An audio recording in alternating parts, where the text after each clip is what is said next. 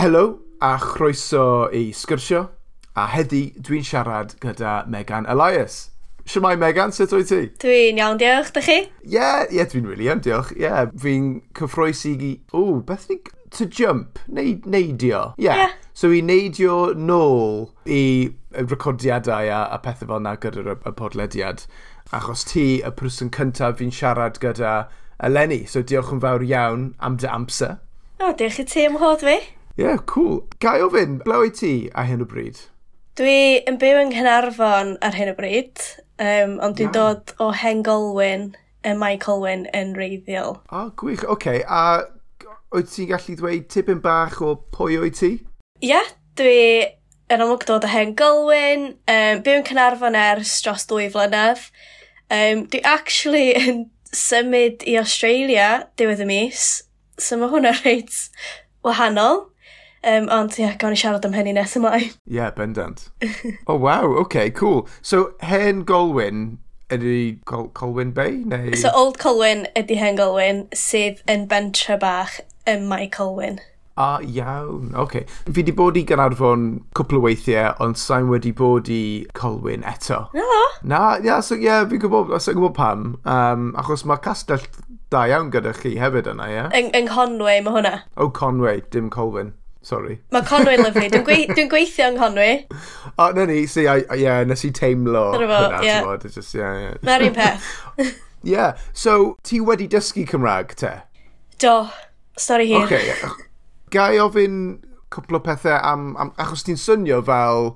well, ti'n dod o Gogledd Cymru, ond rhywun sy'n iaith gyntaf. So, pryd dechreuais di dysgu Cymraeg? Um, so, fel pawb arall yng Nghymru, nes i ddysgu uh, Cymraeg yn yr ysgol, ond fel ail iaith. Um, so eisiau ysgol eirias yn Mae Colwyn, uh, y dysgu'r iaith o fanna, a wedyn um, nes i benderfynu dewis hi fel lefel A, um, ail iaith eto. Um, mm. So o'n i jyst yn joio'r pwnc, joio'r studio hi, joio'r athrawon, ond o'n i'n meddwl sy'n ni'n siarad Cymraeg ar ôl gadael ysgol. Um, so, be ddigwyddodd, o'n i di derbyn cynnig diamod yn yn conditional offer i studio cyllid yn Lancaster. Beth ydi cyllid? Sorry. Finance. Diolch fawr iawn. Ia, yeah. so ia, yeah, finance cyllid yn Lancaster, Prifysgol Cerhyrfyn. Ac o'n i'n barod i fynd, o'n i di sortio llety, pob dim, a wedyn diwrnod ola'r ysgol ym mlwyddyn tar ar ddeg, um, nes i weld athro Cymraeg fi Mr Dyfed Williams. Um, just i ddeud ta, a wedyn nath o holi fi a dwy hogan arall o blwyddyn tera ddeg os yn eisiau mynd ar drip i steddfod yr urdd yn y bala um, ar y dillun. Ac oedd hi'n drip blwyddyn naw, um, ond mm -hmm. oedd yr urdd di sefnu, ond oedd e tri lle ar ôl ar bus. Yeah. So, oedd e fatha, diw, na i holi'r genod yma, maen nhw'n joio'n studio Cymraeg. So, oedden ni fel, pam ddim, trip pam ddim. A wedyn... Yeah, absolutely. O'n i, rioed i bod i steddfod o blaen. O'n i rioed i wneud dim byd fel na. Um, oedd gen i'n syniad beth ddisgwyl, ond atho ni, a nes i'n sylwi faint o bobl oedd yn siarad Cymraeg. Oedd o'n, oedd o'n nuts. pawb yn siarad Cymraeg, pawb yn lyflu, mor gefnogol, ac oedd ni am y tro cynta rioed yn cael so, ymarfer y defnyddio Cymraeg ni yn y, yn y byd mm. go hmm. iawn, ac oedd hwnna'n really scary ond oedd yr ymateb yn lyflu, a naethon ni fynd i weld seremoni medal y dysgwyr. Oedd gen ni ddim syniad beth yn mynd ymlaen, o gwbl. Oedden ni just enjoy mynd o gwmpas y maes a gwneud y gweithgaredda a falle. Ond dwi'n gwybod be gwyddodd, Ond ar y bus adra, o'n i just fatha Amy, ffrind fi, might become a Welsh teacher. Ac oedd i fel, shut up Meg, don't be silly. O'n i just fel, dwi eisiau siarad Cymraeg A o'n i just methu gadael hwnna fynd wedyn, oedd eisiau trwy gymaint o mm -hmm. trafod a stres a naeth pennaeth chweched ddeud, what are you going to do with Welsh? What if you move countries? She's not wrong. Ond oedd hi just fatha, what, what's good, what is Welsh gonna do for you? Ac oedd hi just fatha, dos i Lancaster, bla bla, ond o'n i just methu gadael i fynd ac o'n i fel, os dwi'n mynd i wneud finance rwan, ma'n mynd i fod yn anodd dod nôl at y Gymraeg. Os ti'n neud mhm. Cymraeg wan, fedra i mynd i wneud finance pryd bynnag dwi isio. So dyna nes i. Nes i aros tan results day. Ffonio Lancaster, deud ta ta, ffonio Prifysgol Bangor, a gofyn os yn i'n cael studio Cymraeg, ag the rest is history. wow! Mae hwn yn briliant. So, Next. spontaneous trip i steddfod yr urdd wedi newid dy bywyd di, really. Yn hollol. Yeah. Dwi'n gwybod beth ddigwyddodd, ond mae rhaid oedd o'n rhywbeth oedd i fod i ddigwydd i, yeah. gwybod, i fi newid pob dim. Ti'n gwybod, oedd rhieni fi yn poeni, ti'n gwybod, neb yn yn heili siarad Cymraeg. So, oedd nhw jyst eisiau i fi cael gyrfa dda, a cael mm -hmm. pres a pethau fel yna. So, obviously, mae cyllid yn yrfa da. Ond, dwi wedi gwneud gymaint efo Gymraeg, dwi'n mynd dyfaru o gwbl dwi'n deall y mwyafrif o beth dwedais ti, achos es i ysgol yng Nghas Newydd, weles i ddim llawr o Gymraeg o gwbl tyfu lan. Um, ond mae diddorol i, i gwybod mae'n gallu bod fel na lan yr ogledd hefyd. O, yn union. Ond mae'n lle hollol Saesneg mewn gwirionedd, mm. ond pant ers i mi ddysgu Cymraeg, dwi wedi dod i nabod lot mwy o bobl sy'n siarad Cymraeg yn yr ardal. Yeah. So ti just ddim yn ymwybodol ohono fo, a dyna beth sy'n mor bwysig i ysgolion ddeall mm. -hmm. rwan bod ni angen codi ymwybyddiaeth o'r diwylliant a beth sy'n twod, arbennig am y Gymraeg, nid mm. jyst dysgu'r iaith yn a pyncia diflas.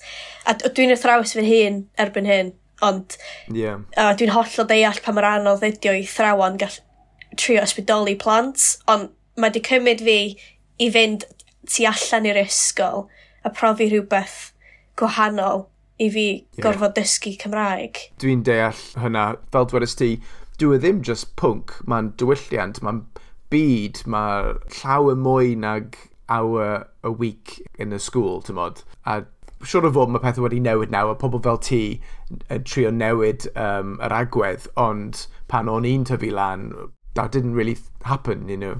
Um, so mae hwn yn really cool. A siwr o fod mae athro ti gwybod ar y ffaith mae ma trip wedi cael a dy bywyd di. Yndi, da ni'n ffrindig gorau erbyn hyn. O, oh, gwych! Da ni, oedd o'n helpu fi trwy brifysgol, achos o bo pan eis i i Bangor, um, o'n i'n byw yn neuadd JMJ, yr lledd pob yn siarad Cymraeg. Ag... O, fel neuadd, neuadd Cymraeg, ie? Yeah, e? okay. oedd hwnna'n anodd.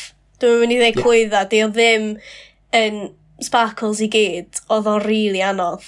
A mm -hmm yn, yn anffodus, um, a mae rhaid ni siarad am hyn, really, mae'n anffodus, mae'n rhai pobl sydd just ddim yn groesawgar a ddim yn derbyn chdi fel dysgwr, sy'n ofnadwy, a dydy o ddim yn, sygod, yn gyffredin iawn, ond geid i pobl sydd just ddim efo mynaf siarad efo chdi. Mm. Ond oedd genna'r pobl oedd yn menu siarad Cymraeg efo fi, ac heina dwi'n ddiolchgar amdanyn nhw achos y rhai oedd yn troi at y Saesneg, a dwi'n beio nhw, oedd yn anodd siarad efo dysgwr, ond mm. swn i ddim yn dysgu wedyn na, swn i'n troi at y Saesneg, oedd o'n ddibwynt. Um, mm. So ia, defed yr athron helpu fi, oedd o'n i'n mynd, on mynd nôl i'r ysgol a deud, fedra i'n neud o, o'n i'n crio. Oh. Ac ie, yeah, oedd o fel, please, gynafo, mae'n werth o, ti jyst ddim yn gwybod eto. Ac ti'n dwi mor falch, oedd o'n holl werth o. Oedd o'n helpu fi trwy bob un twod, cais swydd mm. a dwi'n athrawes yn union fel fo rwan. So, ie, yeah, bai o yeah. yn heiddi clod. Ie, yeah, a teg i ti i sticio gyda, gyda fe a fel, ie, yeah, athro stuff a helpu ti. Ond es i Bant y Celyn yn neuodd Cymraeg yn, yn Aberystwyth, yeah. ond o'n i'n lycus iawn. Ges i ddim y profiad fel, fel na, really. Ond, you know, ni'n gwybod fel it's not the language's fault, tymod, mae just pobl yn gallu bod um, ang anghyrtais. Yeah, um, a ddim eisiau helpu a stuff, neu just oer we yeah. weithiau. A, a, you know, a, yeah, so mae hwn yn siomedig, a dwi'n you know, dwi gwybod mae gallu troi bant lot o pobl dysgu yr iaith, achos yn, yn wedig os ti'n mwyn ymarfer gyda pobl. So ie, yeah, warateg i ti um, i wneud e. A so, nawr, Wyt ti'n athrawes Cymraeg? Ynddo, ie. Yeah. Gwych. Yng Nghonwy. Um, so dwi'n dysgu ail iaith yn union fel o'n i'n dysgu. So mm-hmm. mm. mae reit braf, deud y gwir. Ah, briliant. A so, ers hynny, wyt ti wedi bod i fel esteddfodau genedlaethol ac yr urdd um, pob flwyddyn neu you know, y mwyafrif o, o amser a stuff? Ie, yeah, do, sy'n ei deud yn amlwg, um, o'n i gweithio'r urdd um, so o'n i'n cael gweithio yn eisteddfodau'r erth, a wedyn o'n i, ie, yeah, o'n i'n mynd i ymweld â steddfod genedlaethol maes B. Yr un dwytha oedd yn Llanrwst, chos oedd y Covid. O, roedd, roedd hi'n um, bwrw glaw llawr yn y diwedd o'r Llanrwst, ie? Ie, oedd rhaid i fi adro.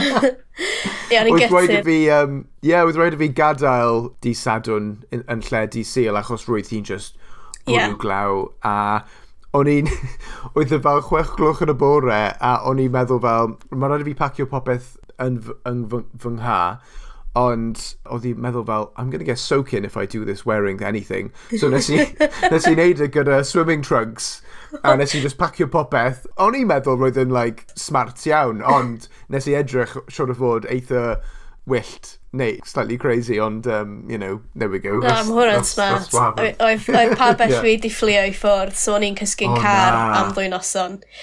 Um, sydd ddim yn wych oh. pan mae gen ti'r larwm sydd yn mynd off unwaith yeah. pan ti'n symud. Yeah, oh god. Yeah, ond dyna, oh, yeah, well, dyna'r yeah. un, un ola, yr un dweitha, a wedyn, byddai ddim yn mynd i steddfoda am blynyddoedd. Wel, ie, yeah, so dwedais ti, ti'n symud i Australia. Ynddo. Gai ofyn pam a pryd a be fydde ti'n neud yna? Ie, yeah, uh, cwestiwn a dwi eisiau holi fy hun hefyd. yeah. I mean, pam achos dwi jyst eisiau brec, dwi eisiau joio bywyd. Um, nes i trefeilio South East Asia ha diwetha. um, so nes i just, o'n i'n gwybod bod fi jyst eisiau gweld y byd wedyn. Um, mm -hmm be dwi'n mynd i wneud, dwi'n mynd gwybod. Um, dwi'n dechrau yn Sydney, Yeah. Um, a dwi'n dechrau efo rhyw tŵr bach, so fydd yna pobl yna ar working visa am flwyddyn, so bydd, byddwn ni gyd yn yr un cwch. Um, so gobeithio, to, ffeindio job bach yna, jyst i cael pres, mm -hmm. trafeilio rownd, a wedyn gawn ni weld beth sy'n dig digwydd o fanna. Ond ie, yeah, diwedd mis yma, diwedd awr um, tair wrthas i ffwr. So dwi'n dwi very stressed. I mean, wow. mae gen i to-do list. Yeah. Enfawr. Sa'i gallu weld llawr o tics ar y to-do list Mae'n un tic dwi'n newydd neud o o blaen. I wasn't going to say it, ond ie, un tic. Sef yn locio ffôn. Um, o, mae gen i pethau fel gwerthu car um, yna, so... Oh, yeah. yeah. Stress. Wel, so, so, so ti'n mynd i, i gweithio, ti'n ti moyn teithio, ond hefyd yeah ti'n mynd i working visas, ti'n mwyn gweithio yn Yndw. Australia. Um, yeah. Wyt ti'n mynd ar dy ben dy hunan? Yndw. What a teg, what a teg. So, fi'n gwybod mae cwpl o pobl sy'n gwrando i y podlediad a maen nhw'n byw yn Australia. Siwr o fod, ti'n gallu dysgu tipyn bach o Cymraeg yna. So, os ti'n gwrando, pobl o'r Australia, mae rhaid ti cysylltu gyda Megan. Please. Um, i, i, I cael rhywun i ymarfer gyda neu, neu dysgu. Wyt ti'n nabod yn rhywun? Wyt ti'n oes ffrindiau gyda ti yna? Um, oes, actually, Mae'n gymaint o bobl yn dechrau mynd yeah. yna wan. Dwi'n meddwl jyst ar ôl Covid, a wedyn mae pobl mm. dwi'n meddwl, oh, dwi'n bod, dwi eisiau rhywbeth newydd. Um, so dwi'n nabod cwbl bobl yna. Yeah. Dwi'n siŵr fyddai'n iawn. Ie, yeah, o oh, ie, yeah, bendant. A gyda fel ffrindiau ti, te, Oes fel grŵp o ffrindiau Cymraeg gyda ti yma neu yn Australia? Uh, oes, y ddau actually, mae'n rei yn Australia, ond ia, yeah, ers twod, mynd i, i Fangor, dwi wedi bod yn ffrindiau efo'r mm -hmm. criw ma ers hynny. So, dwi actually yn byw efo un ffrind o'n i'n Mangor efo rwan. Um, oh, so mae hwnna'n really braf. So ia, yeah, uh, yeah. ffrindiau yma yn Cynarfon, dwi'n mwyn gwybod pam ond eith pawb sy'n mynd i Gynarfon ar ôl mm. y brifysgol. Um, a wedyn mae gen i mm. ffrindiau adra wedyn. I guess Cynarfon yw fel y, y dre, well, dre enfawr yng, yng Ngogledd Cymru, so mae'n just, mae'n ma lot yn lot yn digwydd yna. Dwi'n really hoffi Cynarfon. Mae'n yeah. ma teimlo fel lot llawr o gerddoriaeth a just pawb yn abod pawb, ond mae dal kind of fel, I don't know, vibe nice yna. Na, dwi'n cytuno, um, dwi'n dwi really hoffi fan yma. Yeah. Oh, cool. Nôl i fel level A, pam ystydus ti Cymraeg yn lefel A? Achos bod ti'n just dda gyda'r iaith, neu be digwyddodd? Ie, yeah, mae'n gymysg edrych pethau. Ma, I mean, nes i wel, nes i wneud yn dda yn tygau um, Cymraeg, ond o'n i jyst yn really joio astudio'r pwnc. Dwi'n meddwl, mm -hmm. oedd yr athra, mae'r athrawon yn neud pethau gymaint haws, dydy, maen nhw'n neud o'n hwyl. A lle dyna pam nes i mm -hmm. ddewis y pwnc. Ond ia, dwi wastad di, di joio dysgu Cymraeg, ond jyst erioed wedi gweld fel y goleini a pa mor arbennig ydy hi. Ie, yeah, achos, I guess hefyd fel yn lefel A, y ffocws yw llenyddiaeth. Ie. Yeah. A dim really siarad, joio, a fel y byd cymdeithasol, I guess. So, wyt ti'n, ydy hyn dal fel na? Mae wedi newid bach. Mae yna fwy o bwyslais ar y llafar rwan. Mae rhyw... Mm.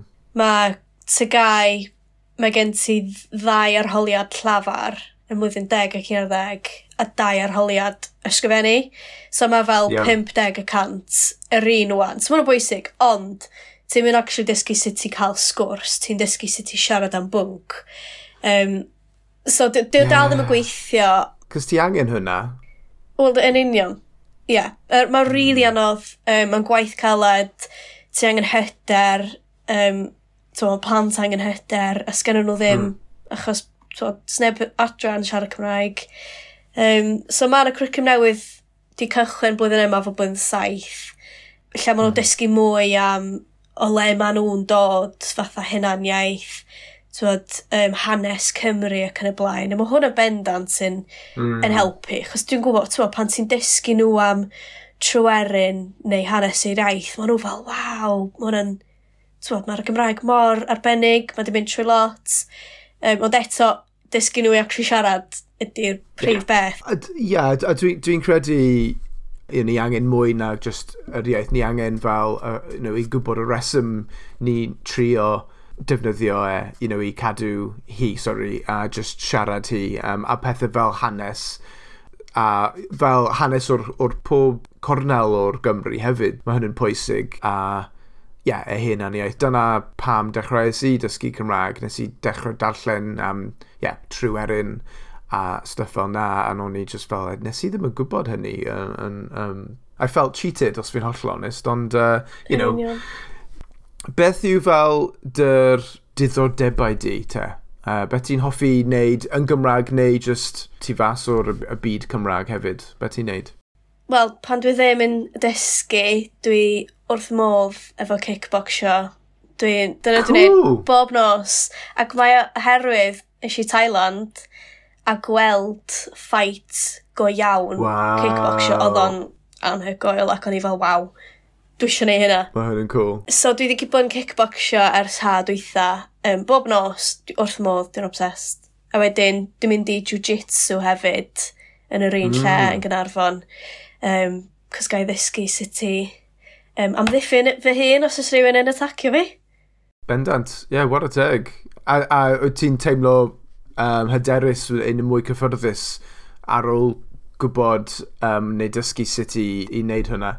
Yndw, mae yna gymaint, ti'n gwybod be, dylsyn nhw ddysgu fo yn yr ysgol, achos mm. mae yna pethau mor bwysig, sy'n ni byth yn gwybod sut i amddiffyn fy hun. Um, mm. Ond rwan, mae gen i siawns. Ie, yeah, no, bendan. Ma, yeah, mae yn actually pwynt really dda i wneud. Felly, siwr o fod, pan ti'n mynd i Australia, wyt ti wedi edrych neu chwilio eto am lefydd i, i wneud kickboxio neu jiu-jitsu? Nes i chwilio, a mae'n overwhelming, cos mae Sydney yn enfawr, yeah. a mae yeah. mor ddryd yna, dwi'n gwybod Oh, yeah. Mae'n ma, effernol o ddreud, so... Fi rhaid fi just budgeto fy hun pan dwi'n cyrraedd, dwi'n meddwl, a gweld be allai yeah. fforddio. Ond yn bendant, wedyn... dwi eisiau cario ymlaen. Ie. Yeah.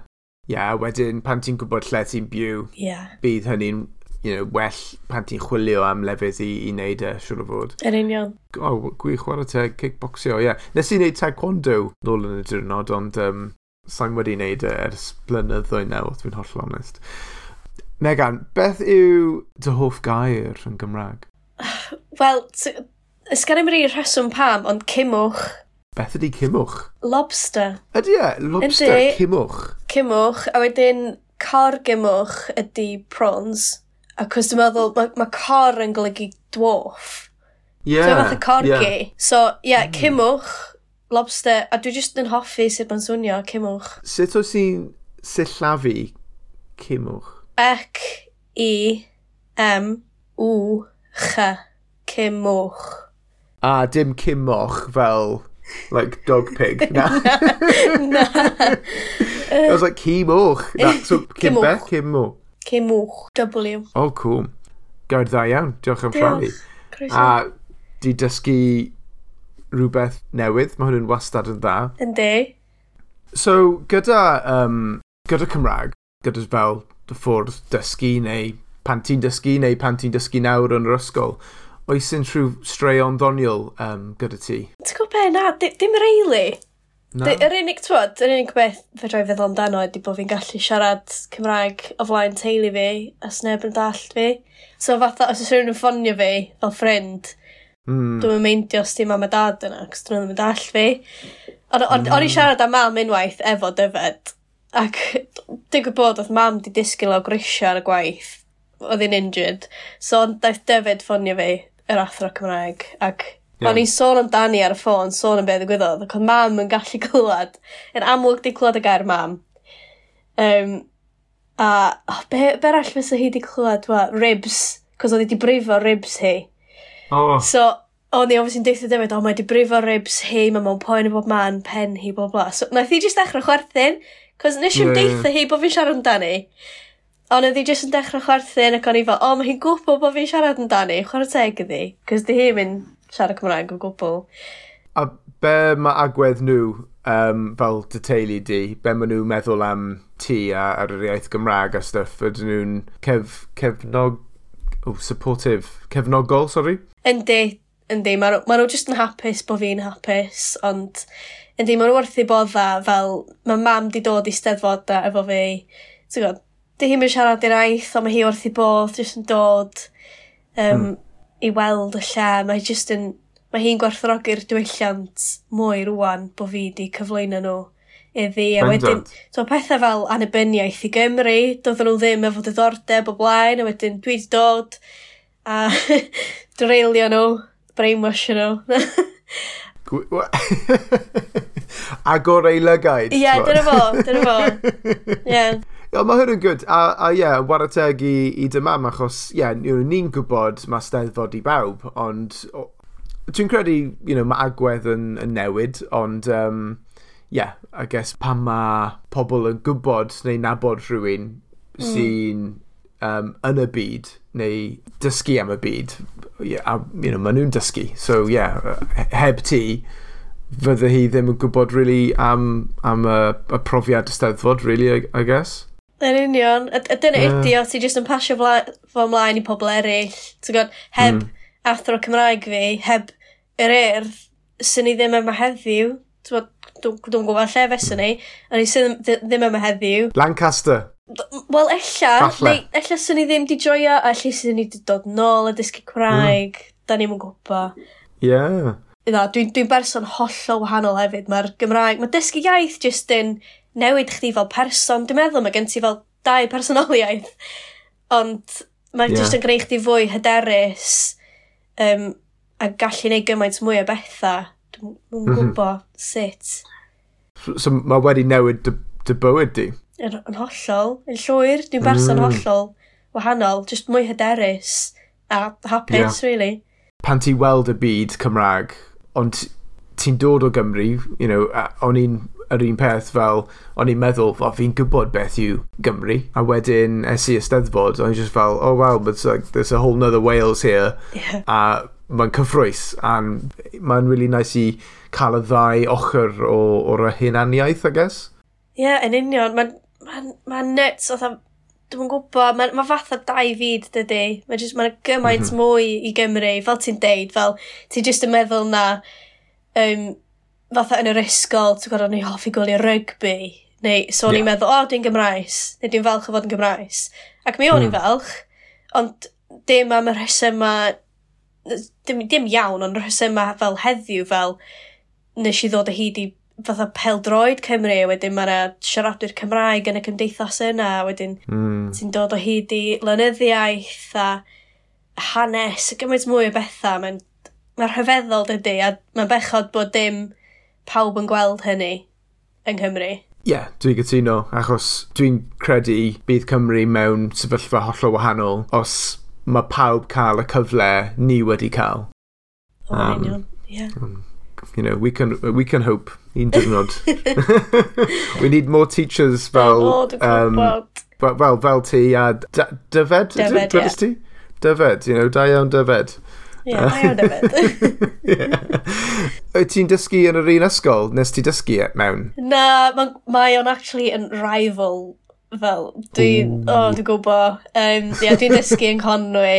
Um, so dim ia, ysgol eirias oedd cyn ysgol fi, ond dwi'n gweithio yn yeah. Aberconwy, ond maen nhw'n rivals. Mm. Um, Ooh. ond na ni, dim otch. Yeah, mae'n iawn. Mae'n iawn, just comparu scores weithiau. O, ie. Um, yeah. yeah. pan ti'n, you know, pan roi ti'n dysgu, neu pan ti'n defnyddio neu siarad um, yr iaith naw, neu weithiau Saesneg, um, ydy unrhyw stwff neu pethau ti'n ffeindio'n anodd? Um, gyda Cymraeg neu newid nôl i Saesneg weithiau. You know, mae gallu bod tricky hefyd. O, ynddi. Oes. I mean, so, dwi'n athrawes Gymraeg, a mae'r plant fel, Miss, why don't you know that? Acos dwi'n mynd, o, oh, na checio ar yr app. mm. Ond dwi just fel, dwi wedi dysgu rhaid, dwi ddim yn di arfer efo dweud rhai geiriau, ond wbeth penodol ydy rhifau. Fel, mm. mae mor annaturiol, os dod yna'r gair, annaturiol, dwi'n meddwl, um, yeah. i ddeud rhifau yn Gymraeg, a mae Cymru Cymraeg yn neud o hefyd, fel, dwi'n yn gwybod, mae fel, ma fel 1, 2, 3 yn iawn. Ond pan ti'n mynd i fel 562,000, dwi fel 5, 5, 5, 5, 62,000 a dwi fel, dwi just fel, naeth hynny cymryd fi 10 eiliad, I could just mm. say it in Saesneg, ond, ie, heina sy'n cael fi dyw just ddim yn, yn fy mren i. A hefyd y dyddiad, ti'n gwybod fel fed ac egg ac bydd ein. O, oh, gosh, mae hwnna'n cael fi. Cos ti'n meddwl na pymthegfed, dwi'n trio meddwl am un. Ti'n meddwl ugeinfed ydy fysa'n ein, cos ugain, ond mae'n ugeinfed, so mae'n 20, mm. a wedyn fel, o, oh, dyna beth sy'n mynd trwy pen fi, bob dydd fel y thrawes, ar bwrdd. Be di o? O, fe'n, ie, yeah, y rhifau sy'n cael fi. Oh, I mean, dwi'n hollol, hollol cytuno gyda ti. Dwi'n ofnadwy gyda'r rhifau. Um, dwi'n ofnadwy gyda'r rhifau yn Saesneg hefyd, so dwi ddim yn helpu fi o gwbl. A Dwi'n credu mae fel, you know, obviously y ffwrdd, you know, a'n penni yn gweithio, achos pan ro'n i'n dysgu Indonesieg hefyd, o'n i'n stryglo oh, wow. gyda'r rifau. Mae'n just ffwrdd yeah. fi'n fi gweithio, you know, we just don't get on, ti'n mod. Ond, mae'n gallu bod anodd yn y sefyllfa ffurfiol fel y, y dosbarth lle, you know, mae rhaid ti dysgu am, amdano fe, achos fi'n gallu just dweud o 35, a mae hynny'n, mae hynny'n iawn, ond yeah. mae rhaid i ti dysgu yr er y ffordd orau. A'n y controversial falle, ond i fi, fel, dwi e ddim yn pwysig i fi, you know, rhifau. Fi'n iawn gyda defnyddio rhifau Saesneg uh, am beth os fi'n holl onest, achos fi'n gwybod pawb yn deall. Falle mae'n diog, sa'n gwybod, ond dyna, dyna fi. Ie, yeah, dwi hanner hanner. Dwi fel, os, os ti'n gallu deud fel, dwi'n gwybod, os oes rhywun yn deud 50, dwi fel, dwi'n sy'n gallu deud 50, dwi. Fytha rhifau hawdd. Yeah. Neu hanner cant. Oh, ti wedi cael fi fanna. Dwi yn hoffi y gair ugain, mae hwn gair dda. Yndi, mai o'n dda, dydi? Ie, yeah.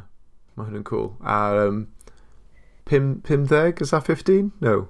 Pumtheg. Pumtheg sy'n, okay, no, I'm stopping there. That's, that's, that's as far as I go. pan ro ti'n dysgu Cymraeg neu pan ti'n dysgu plant naw, beth wyt ti'n neud i, i, i helpu nhw? Oes unrhyw tips? Ie, yeah, I mean, twod, heblaw am trio neud pethau'n hwyl um, trwy gemau, a pethau fel na. Um, be sy'n helpu fi ydy, fel ti'n gweld rwan, ap geiryduron, dwi'n defnyddio fo trwy'r amser. Mae mor hawdd mm -hmm. just rhoi gair i mewn. Um, a mae hefyd yn deitha chdi os mae'n fenywaidd neu gwrwaidd. Pa app yw hynny? Ap geiryduron. Pwy sy'n neud hynna? Prifysgol Bangor, di o. Ond ti'n argymell app Yndw, mae'n just, mae'n hawdd de. Um, mm -hmm. Tog yn amlwg, ti'n methu rhoi brawddeg at ei gilydd. Um, so just geiriau unigol yn helpu. Um, Gwych. Fel arall, yeah. Espadwrec efo isdeitlau um, a gwrando ar Radio Cymru neu music. Unrhyw mm. beth, ti'n gwybod, ti'n neud bob dydd. Um, a jyst i ddod i arfer. Ond ti'n gwybod, y ffordd ora yn y ffodus ydy just siarad Cymraeg a so, taflu dy hun i mewn ac ymarfer gymaint o phosib. Ie, yeah. yeah, hollol, hollol cytuno gyda ti. I cael uh, enghreifftiau fel yeah, radio, cerddoriaeth, um, mae hwn yn dda fel passive learning hefyd, ond ie, yeah, y ffordd orau yw... Ie. Yeah. Yeah, ymarfer siarad bod anghywir pan ti'n siarad yr iaith gyda pobl a, a sgwennu pethau lawr a dysgu a stuff, you know, oh, okay, this is the slang word for this, a stuff. Oh, ie, yeah, yn union. Ie, yeah, o'n i'n, um, o'n i eisiau dweud rhywbeth am fel, ie, yeah, mae'n really dda hefyd, you know, ti'n ddangos pobl yn, yn dy dosbarth di, hei, dwi'n athrawes Cymraeg, ond sa'n gwybod pob gair yn yr iaith, achos Dwi e ddim yn realistic, achos ni, dyn ni ddim yn gwybod pob gair yn Saesneg. Dyna pam ni'n dysgu Saesneg yn ysgol, ond hefyd, you know, ni'n was, dwi wastad yn siarad gyda pobl yn Saesneg yn fel, sorry, beth di gair yna? So, Mae'n pwysig i ddangos pobl, achos dwi'n credu fel y concept o, o bod rygol, os ti ddim yn siarad mwy nag un iaith, ti feddwl, oh, one day you, you wake up and you're fluent. A dwi e ddim yn bodoli, mae'n constantly shifting and developing and growing. Um, so mae, I don't know, mae'n pwysig i, i ddangos plant hwnna, I guess. Yn union, a maen ma nhw'n chwerthin, cos yn amlwg dwi'n siarad lot o Saesneg efo nhw, I mean, rhan fwyaf Saesneg, a mae gen i acen hollol oedd o bai Colwyn pan dwi'n siarad Saesneg, mm. a mae ma nhw'n deud pa mor wahanol ydw i pan dwi'n siarad Cymraeg, mae gen i acen Cymraeg, a wedyn dwi'n siarad Saesneg, a dwi'n fatha, twod, slang proper Sais o Blaen wow. Colwyn. Sa'n so, so gwybod yr acen Saesneg? Wel, gai ofyn um, y cwestiwn olaf i ti? Of course. Wyt ti wedi meddwl am y cwestiwn olaf? Dwi wedi. Iawn, oce. Okay. Um, so mae peiriant amser gyda ti, Megan, um, a ti'n gallu mynd nôl mewn amser ac yn weld um, tri lefydd wahanol. Ble fasa ti fynd? Iawn, un cyntaf ydy, nôl i fel y chwedegau um, yng Nghymru, pan yeah. oedd Cymdeithas yr Iaith yn protestio, um, ac yeah. oedden nhw'n ymgyrchu i gael sianel dyledu, Radio Cymru, Cymraeg, achos dwi wedi gwneud lot o ymgyrchu i fel Yes Cymru, i'r Gymraeg, um, mm. twod, yn ddiweddar. So dwi'n meddwl sy'n ei ffitio reit mewn i'r adeg yna, a ti'n gwybod, dwi'n reit passionate am hawliau'r Gymraeg. So, so ni'n licio mynd nôl a protestio dros yr iaith. Mm, ie, yeah, roedd amser cyfroes iawn, mae'n ma teimlo fel. Obviously, o ie, yeah, roedd fel llawer yn, yn digwydd yn, yn yr um, chwedegau yng Nghymru. Ie. Yeah. Oedd, ie. Yeah. Yeah, yeah. Just, just i clywed, ti'n mynd trwy rhywbeth mor hanesyddol o ran ti'n Saunders Lewis Mm. Um, so, I mean, doedd o ddim yn adeg hapus i'r Gymraeg, really, ond... Ie, yeah, ac edrych nôl, ni'n gwybod pa mor pivotal oedd mm. uh, yr amser yna. Opsiwn dda am yr, yr un gyntaf, beth am yr ail? Uh, ail un, mae'n probably ddiflas i pawb arall, a mae'n un hynanol, ond sy'n mynd nôl i 2016, a yep. just blwyddyn gorau fy mywyd oedd Cymru yn y Euros, So eisiau i Ffrainc um, i ddilyn Cymru yn nice. Euros. Oedd hwnna jyst yn anhygoel. Um, so ni'n mynd nôl yna unrhyw bryd. Um, mm. Nes i ennill meddwl dysgwyr, Lyflu. Gwych. Lyflu. Um, oedd o jyst pethau fel... O, ti wedi clywed am Festival Number 6? Fi wedi clywed, ie. Yeah. Sa'n wedi bod, ond fi wedi clywed lot amdano fe. Ie, yeah, oedd o di stop... Mae di stopio ers blynyddoedd bechod, mm. ond, ond Pors Meirion, anhygoel o wyl da. Just oedd super furry hmm. animals yna. Um, wow. Yeah. So ar, ar ôl y Euros a wedyn super furries oedd o just yn... O'n i yn al flwyddyn yn y brifysgol. Dim pryderon. O, oedd o'n anhygoel. Ie, yeah, mae'n swnio fel blwyddyn briliant, what a teg. Oedd. hefyd. Yeah.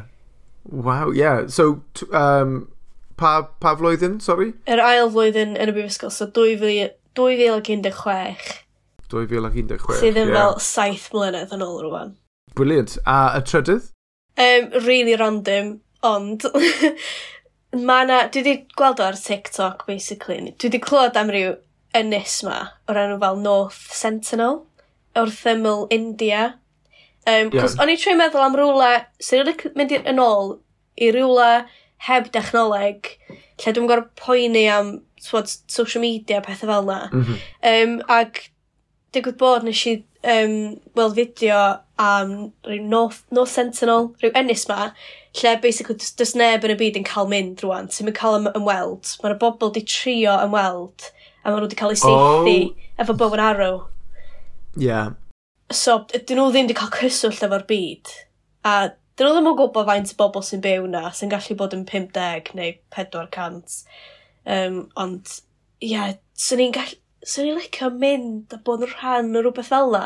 Lle ti just mm. ar ynys, efo dim syniad beth sy'n mynd ymlaen yn y byd, y rhyfel, y twa gwleidyddiaeth, y oh, pob math o bethau sy'n poeni ni bob dydd.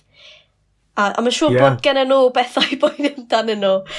Bach o, ie, yeah, bach o drama a stuff, ond, ie. Yeah, ie, yeah. so lyfio gweld be maen nhw'n neud bob dydd. Bydd hynny'n profiad nice i bod mewn cymdeithas heb technoleg fel bywyd syml. Um, yeah. A ni'n gwybod mae hwn yn pwysig, you know, mae'n ma um, iechus i, i, bo, i bod tu fas a wneud pethau tu fas. You know, ni'n gwybod mae'n pwysig i fel iechyd meddwl a pethau fel yna.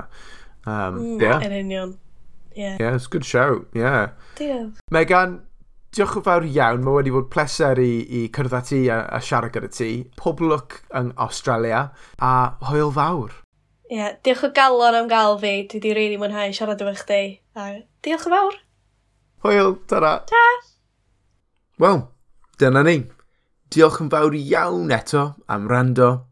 Cofia, mae'n bosib i ddilyn ni ar Instagram, Twitter a Facebook. Hwyl am y tro.